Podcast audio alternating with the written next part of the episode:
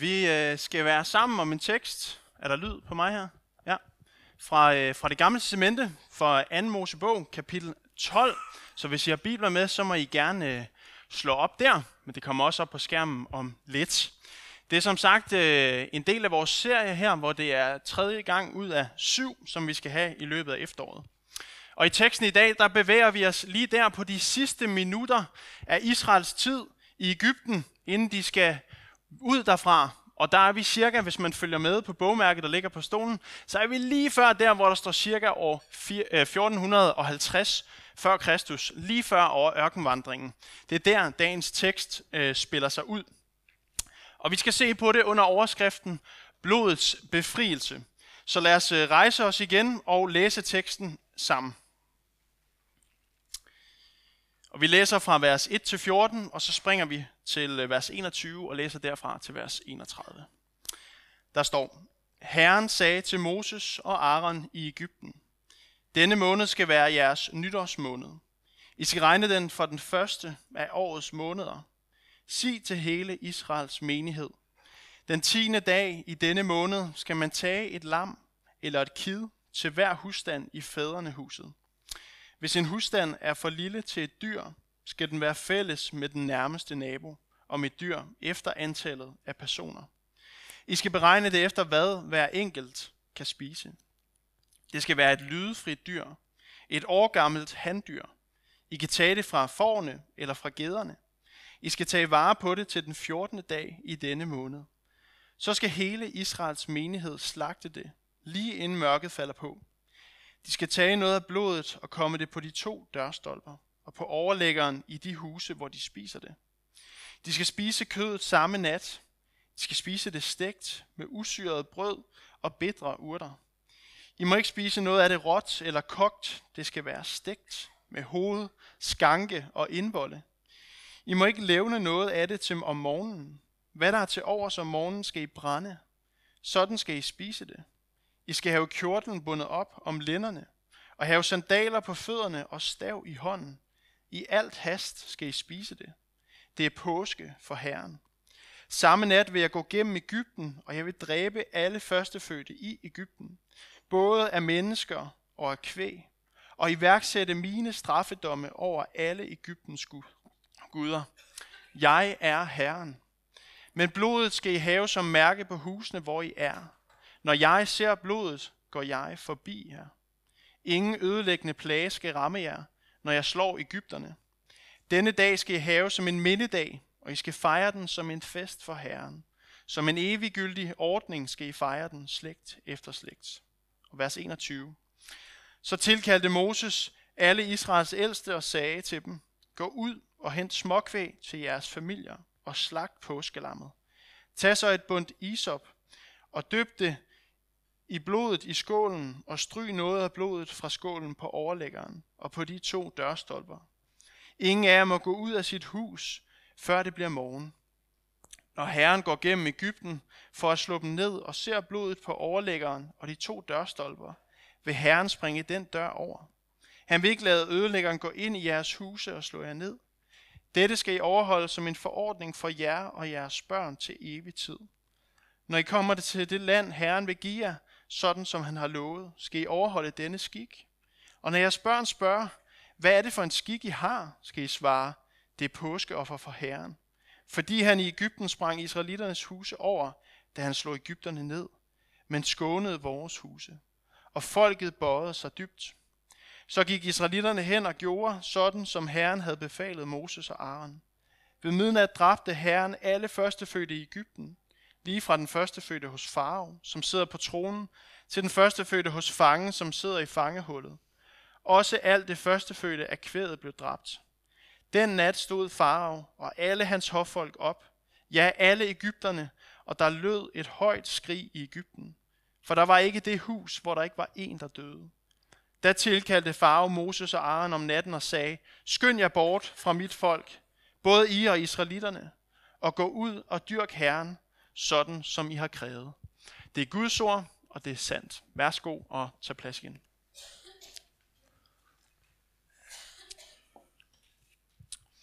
En tekst, som øh, har meget information, mange instrukser, mange øh, spørgsmål kan også opstå, når man læser den.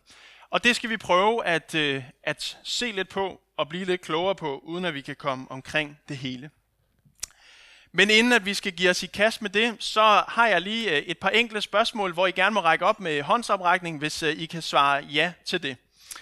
Hvem af jer har et navneskilt, sådan en fint skilt, hjemme på jeres hoveddør, hvor der står jeres navn på? Hvem af jer har det? Okay, der er faktisk overraskende mange, der ikke har et navneskilt derhjemme. Okay. Hvem har, øhm, hvem har et navneskilt derhjemme, hvor der står et andet navn end deres eget? Der er enkelte. Oh, det skal vi have rettet op på. Se, igennem det sidste års tid, så har jeg øh, banket på rigtig mange døre, øh, blandt andet hos øh, mange hos, hos mange af jer, og også andre gode folk i, øh, i Esbjerg omegn, fordi jeg har været på besøg rundt omkring. Og jeg må sige, at det er altid rarest, når man kommer til en dør på den adresse, man har fået at vide, man skal komme hen til, og der så står et genkendeligt navn. Det er lidt, lidt mere øh, angstprovokerende, når man skal banke på, hvis der står et navn, som det ikke lige er nogen, man kender. Så for venligst øh, ændret navneskiltene. Øhm, fordi så ved man, hvem der bor bag den dør.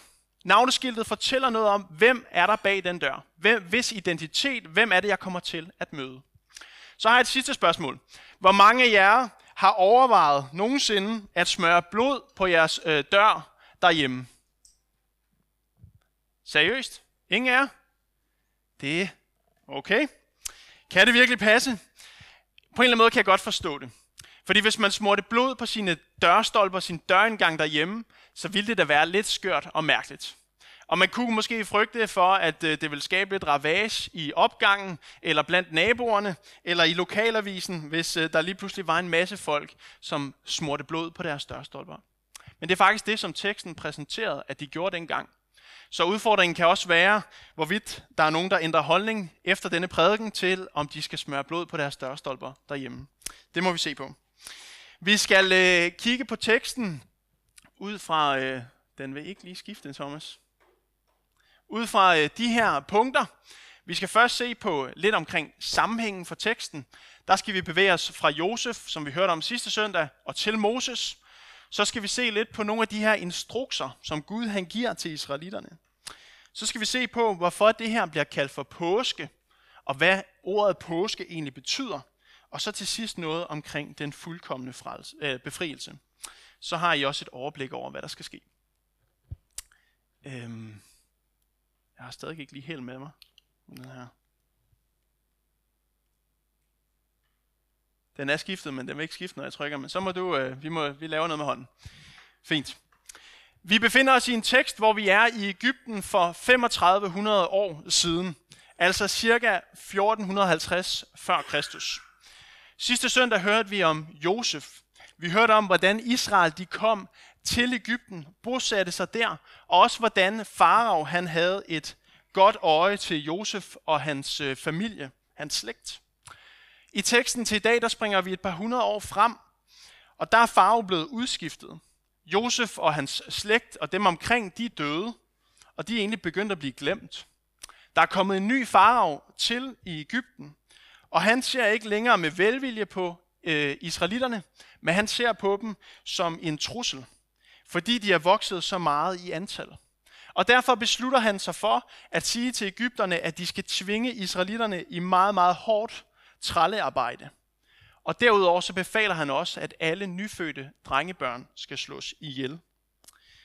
Under det her kaos, som foregår i Ægypten, der bliver Moses født. Og virkeligheden for israelitterne er, at de går en meget hård tid i møde. Men de råber til Gud. Og i, og i tidligere i Anmos bog, der hører vi om, at Gud han husker på sin pagt med Abraham, Isak og Jakob. At det, at Gud husker på sin pagt, det betyder ikke, at han har glemt den.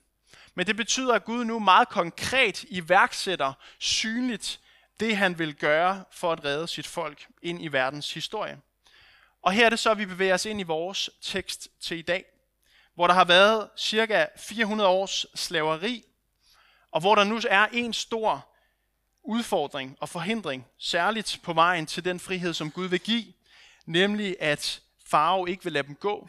Farao vil ikke lade israelitterne gå ud af Ægypten, men han forhærder sit hjerte. Det vil sige, at han gør sin beslutning urørlig. og derfor sender Gud 10 forfærdelige og voldsomme plager over Ægypten. Her er de 10 plager. Den tiende plage, den, inden den bliver udløst, der hører vi så starten af vores tekst. Og anden del af vores tekst, det er så, at vi netop ser udløsningen af den tiende plage, hvor at der er drabet på de første fødte. Men inden det, så henvender Gud sig til sit folk, til israelitterne. Og her er det så, vi kommer til det første punkt i, øh, i den her prædiken, som vi skal dykke nærmere ned i. Fordi Gud han giver nogle ret specifikke instrukser til sit folk, om hvordan de skal forberede sig på den tiende plage, som kommer, men også hvad der skal følge bagefter. De er øh, nogen, som... Øh, hov, lige et tilbage, undskyld. Øh, de, er, de, skal, de skal huske noget omkring det her. De skal mindes noget. De skal fejre det her, som der skal til at ske. Og det er på en eller anden måde lidt makabert, fordi der er jo også nogle mennesker, der bliver slået ihjel. Men i det her er der noget, der skal fejres. Noget, der skal mindes. Og det er, at Gud vil fri sit folk ud af slaveriet i Ægypten. At Gud han er med sit folk, som han har vist op igennem historien. Vi har allerede sprunget mange hundrede år op igennem historien på det her tidspunkt. Gentagende gange har Gud gentaget sit løfte om frelse og redning til sit folk. Og så er det så, vi kommer til den nærmere instruktion. Og det har jeg taget med herop. Vi skal ikke lige læse det, men jeg har udstreget nogle ting, som jeg vil dykke lidt nærmere ned i. Fordi Gud han siger noget til Israel, som på det her tidspunkt for første gang bliver omtalt som en menighed som et kristent fællesskab, som Guds særlige menighed. Ellers har det bare været omtalt som Israel eller folk tidligere. Men her bruger vi udtrykket menighed. Det de får instruks om at gøre, det er, at de skal udvælge et lam eller et kid, som de skal tage til sig i fire dage. Og tage til sig det på en særlig måde inkludere hos dem i deres hjem. Men det her lam er ikke bare et tilfældigt. Der står, at det skal være et lydefrit lam lydefrit dyr. Ordet lydefrit betyder, at det er perfekt. Det er uden fejl, uden skavanker. Det var det bedste dyr, de kunne finde. Det skulle være et årgammelt handdyr. Når et dyr var et år gammel, så var det, eller så er det, det, der har det største potentiale og livskraft. Det var det dyr, man allerhelst ikke ville miste på det her tidspunkt, og det er det, som de skal udvælge som en stedfortræder for den første fødte, som den tiende plage ville ramme. Som en stedfortræder også for dem. Og de bliver også instrueret, at de skal gå sammen. Hvis, øh, hvis husstanden er for lille, så skal de samle sig med andre om et dyr. Nogle lidt sjove instrukser, som Gud han giver. Men jeg tror, at noget af det, som Gud gerne vil have frem i det her, det er, der skal være nok til alle. Men på den anden side skal der heller ikke være noget til overs. Gud han ønsker at samle sit folk om og i enhed under det her lam, som skal slagtes om lidt.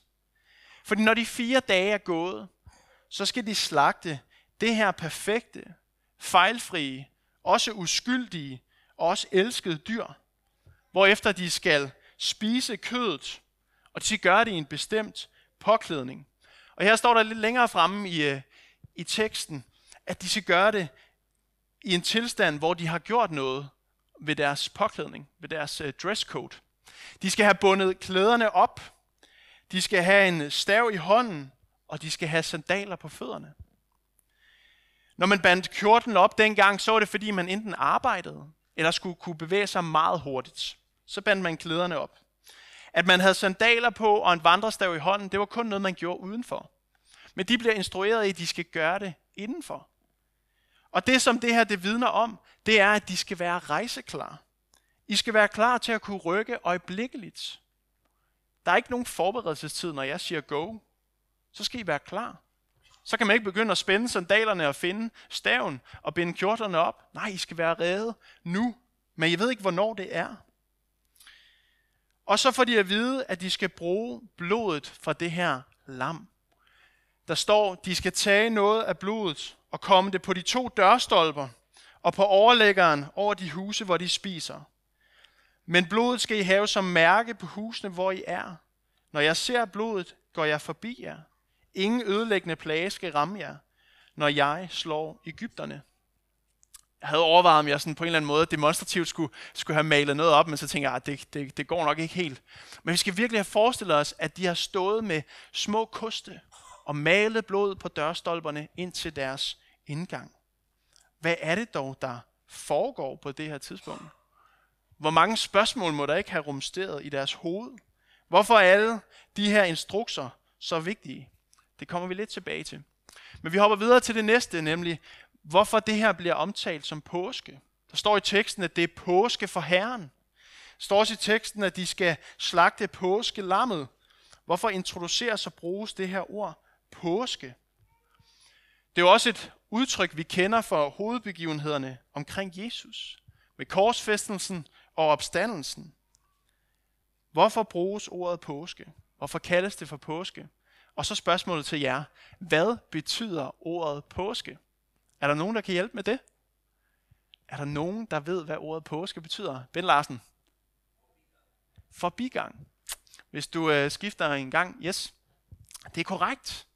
Ordet påske på hebraisk, som udtales noget i stil med pasak, det betyder at gå forbi eller at skåne. Og det er egentlig det, som, øh, som vi jo er vidne til. At Gud han går forbi. At Gud han skåner. Det er en afgørende pointe og årsag til Guds instruktion. Og det er godt at huske, hvad ordet påske betyder. For det sætter også nogle andre ting i perspektiv. Den nat, som, øh, som israelitterne og Ægypterne de gik i møde, den var for alle utrolig farlig, utrolig alvorlig. Det galt for alle mennesker. Gud han ville føre sin dom igennem i Ægypten. Han ville øh, straffe modviljen, som var mod ham. Oprøret, som var mod ham. Han ville slå den førstefødte ihjel som en straf der. Og der står også i teksten, at Gud han ville holde straffedom over alle Ægyptens guder. Over alle Ægyptens guder. Det var sådan, at i Ægypten, de var, øh, der, var det, der var folkene kendt for, at de havde et utal af guder. For alverdens ting og for alverdens områder. Og det betød også, at når de så hørte om Israels Gud, så tog de ikke ham alvorligt. Der var vel ikke den store forskel på ham og de andre guder. Eller hvad? Det var sådan, de tænkte. Men Gud han straffer her med dom og vrede, for os at vise, at han er den eneste sande Gud. Man kan ikke lade være med at tage ham alvorligt. Det er vigtigt, at man tager ham alvorligt og lytter til, hvem han selv siger, han er. Guds straf skal ramme alle hjem i Ægypten, med undtagelsen af dem, som blev gået forbi eller skånet det vil sige dem, der blev undladt for straffen.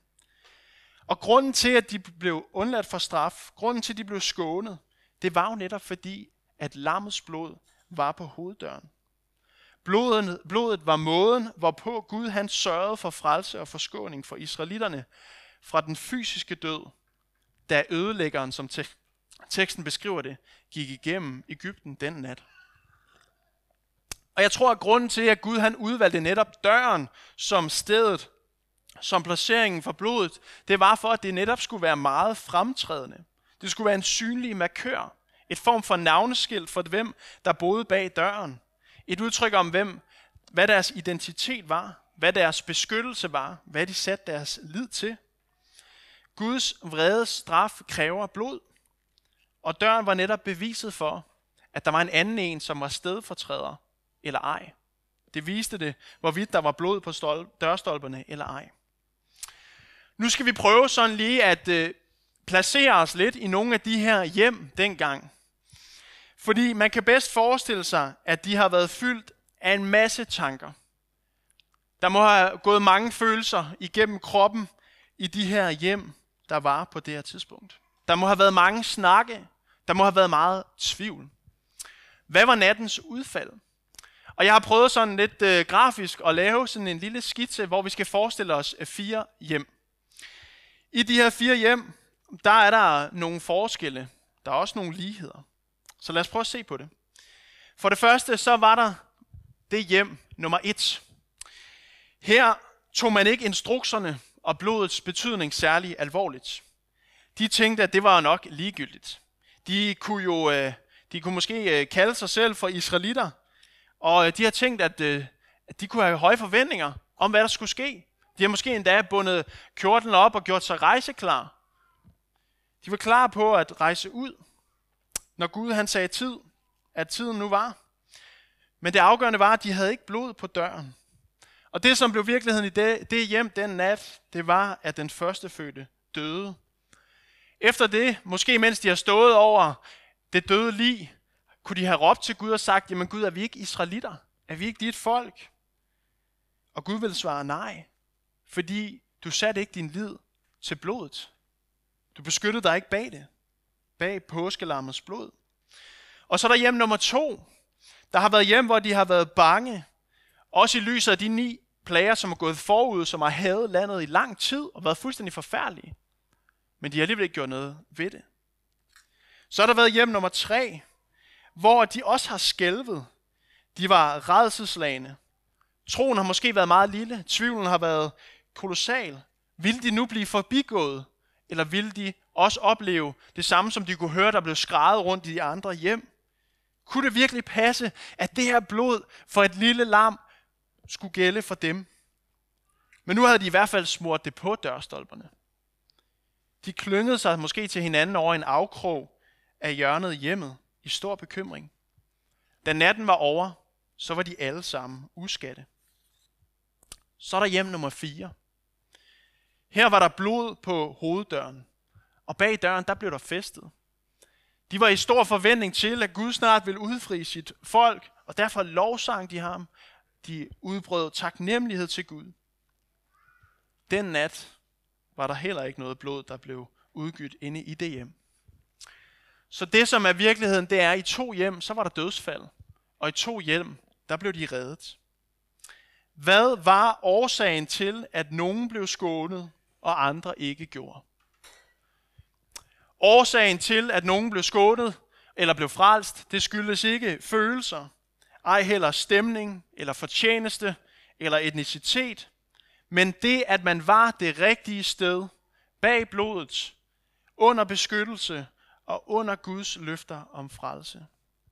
Dem, som blev skånet, var dem, som demonstrerede og handlede i tillid til, at det her blod, det gælder virkelig. Det holder i tillid til Gud. I sig selv så var israelitterne ikke mere end Ægypterne. Men det, som der var afgørende, det var troen på Guds løfter om blodet.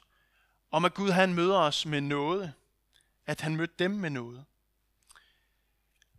Israelitterne de erfarede netop betydningen af påske. Ordet påske, at blive forbigået, at blive skånet. Og det var ikke en ren tilfældighed. Men det var fordi, der var en andens blod, der blev udgydt. Der blev udgydt i stedet for dem. Og det her ord udgydt, det er egentlig et ord, som I møder øh, hver gang vi er til gudstjeneste her i forbindelse med nadverritualet. Der siger vi nemlig, at Jesus øh, selv siger om sit eget blod, dette er mit blod, som udgydes for jer til søndernes forladelse. Hvad ligger der så i ordet udgydt? Jo, ordet udgydt betyder, at noget andet blev offret, det blev betalt, og det også flød, hvis vi forestiller os det meget billedligt, at blodet det flyder ned af korsets træ. Det var det, som skete, da det flød ned af dørstolperne, i stedet for inde i hjemmene hos israelitterne. Og det er også det, som der må gælde ind over vores liv, at der er det an, en andet sted, hvor det har flyttet, hvor det blev betalt, hvor det flød, hvor det blev udgydt i stedet for os. Og det leder os til det tredje og det sidste, som jeg vil komme omkring. Fordi påskelammet den her gang, det kommunikerede et bevis, faktisk det største bevis på Guds frelsesgerning i det gamle testamente. Og i det gamle testamente er det sådan, at når Gud gerne vil have, at sit folk skal huske, hvad han har gjort for dem, så minder han dem om den her begivenhed. Men hvis vi bevæger os på den anden side af korset, så bevæger vi os hen der, hvor at Jesus, hvor vi kan se tilbage på, hvordan Jesus har bragt et fuldkommen offer, et, en fuldkommen opfyldelse af påske, både i personen Jesus og i hans gerninger på vores vegne. Det er det, som vi egentlig kunne kalde for fuldkommen påske. At der er en virkelighed ind over dit og mit liv, der gælder, at vi må tro på, at vi kan blive forskånet for Guds straf. At vi kan blive forbigået for vrede, for åndelig og evig død. Fordi en anden blev bogstaveligt talt slagtet i stedet for os. En, som var perfekt. En, som var ude fejl. En, som var lydefri. En, som var den bedste. En, som var en del af os. En, som var uskyldig. Det er ikke noget, som kun gælder for nogen, men det er noget, som har universel rækkevidde, som Gud ønsker skal nå ud til alle mennesker. Og vi hører også om, at Johannes døberen, da han ser Jesus, så siger han, der er Guds lam. Se, der er Guds lam, som bærer verdens synd. Det er vildt, hvor meget Gud han egentlig kræver af sin egen søn. Han krævede ikke bare lidt, men han krævede blod. Hvorfor blod? Jo, fordi blod det er et udtryk for, at livet er blevet taget fra en. At det kun er der bag det blod, at der er beskyttelse. Kun bag Jesus kan du leve et liv i tryghed, hvor end meget du, vi nemt kan bilde os ind, at vi kan være trygge bag alt muligt andet. Men det kan vi ikke. Hans blod flød, så det kunne blive et navneskilt, blive til frelse over dit liv, så det kunne blive til tilgivelse, så det kunne blive til fred, så det kunne blive til forsoning, til et genoprettet forhold til Gud, uden synd og under den velsignelse, det er at være Guds børn.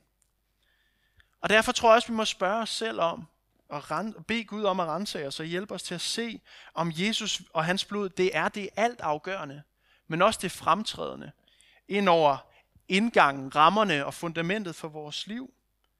Eller om vi derimod tænker og synes, at vores liv måske ser bedre og lettere ud uden ham. Vi har brug for ham. For Gud, han holder dom en dag, men han ønsker at skåne og redde os for død og for slaveri under synd. Og det viste han konkret for sit folk i Ægypten dengang, og det ønsker han også at vise ind over dit liv i dag. Men befrielsen fra Ægypten er også en befrielse ud i noget. For israelitterne så endte så i 40 år i, med en ørkenvandring. Jeg tror ikke, vi skal ud og vandre 40 år i en ørken, øh, lige forløbig. Men i dit liv er der også en vandring forud. Der er en rejse, hvor Gud ønsker, at du skal være rejseklar. En rejse, hvor du lever dit liv med ham, beskyttet af ham og hans blod, og under hans magt, men også i et opgør med synd og det, som er Guds vilje imod. Og derfor vil vi også i dag have et kollektivt skriftemål, hvor man konkret kan bekende sin synd for Gud, og jeg forklarer lidt nærmere, hvordan det kommer senere. Så det spørgsmål, jeg stillede lidt tidligere med, hvor mange af jer havde smurt blod på dørstolperne, og om, det var, om der forhåbentlig eller forhåbentlig ikke var nogen, der havde ændret holdning til det spørgsmål efter.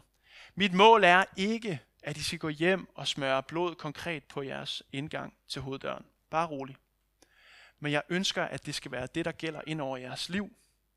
Målet er, at I skal se, hvor vigtigt Jesu blod er, og at det faktisk gælder for dig, og du kan gå fri på grund af det. At Gud han rækker os ufortjent det, vi ikke har gjort os krav, kan gøre os krav på, men som han giver os gratis og ud af noget. Fred med ham. Fred og frihed. Et liv med Gud er et liv i frihed. Et frihed hos ham, hos Jesus. Og det er også, hvad vi skal fejre senere i nadveren. Et virkeligt møde med Jesus. Ham, som gav sit blod og liv i kærlighed for os. Så kom frimodigt til nadveren, og det er, hvis du har brug for Jesus. Nadveren er både et festmåltid, men det er også et rejsemåltid, hvor vi styrkes i troen til at leve et hverdagsliv med Jesus. Lad os øh, bede sammen. Kære himmelske far, vi har sådan brug for dig. Og alt for sjældent, så tror jeg egentlig, jeg forstår, hvor meget det egentlig er.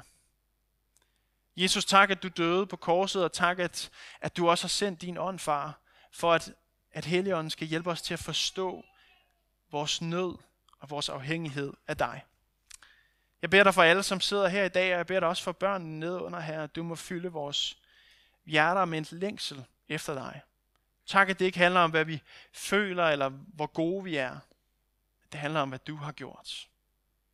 Tak, at vi øh, kan fejre påske igennem nadveren også. Og tak, at vi må glæde os over påsken hver dag, hvert sekund. Også ordet påske her. Vil du øh, velsigne os som menighed, og vil du også hjælpe os i de ting, som vi kæmper med hver især her. hvor du øh, giver os, hvad vi trænger. Vi kommer med tomme hænder og i forventning til dig. I dit eget navn. Amen.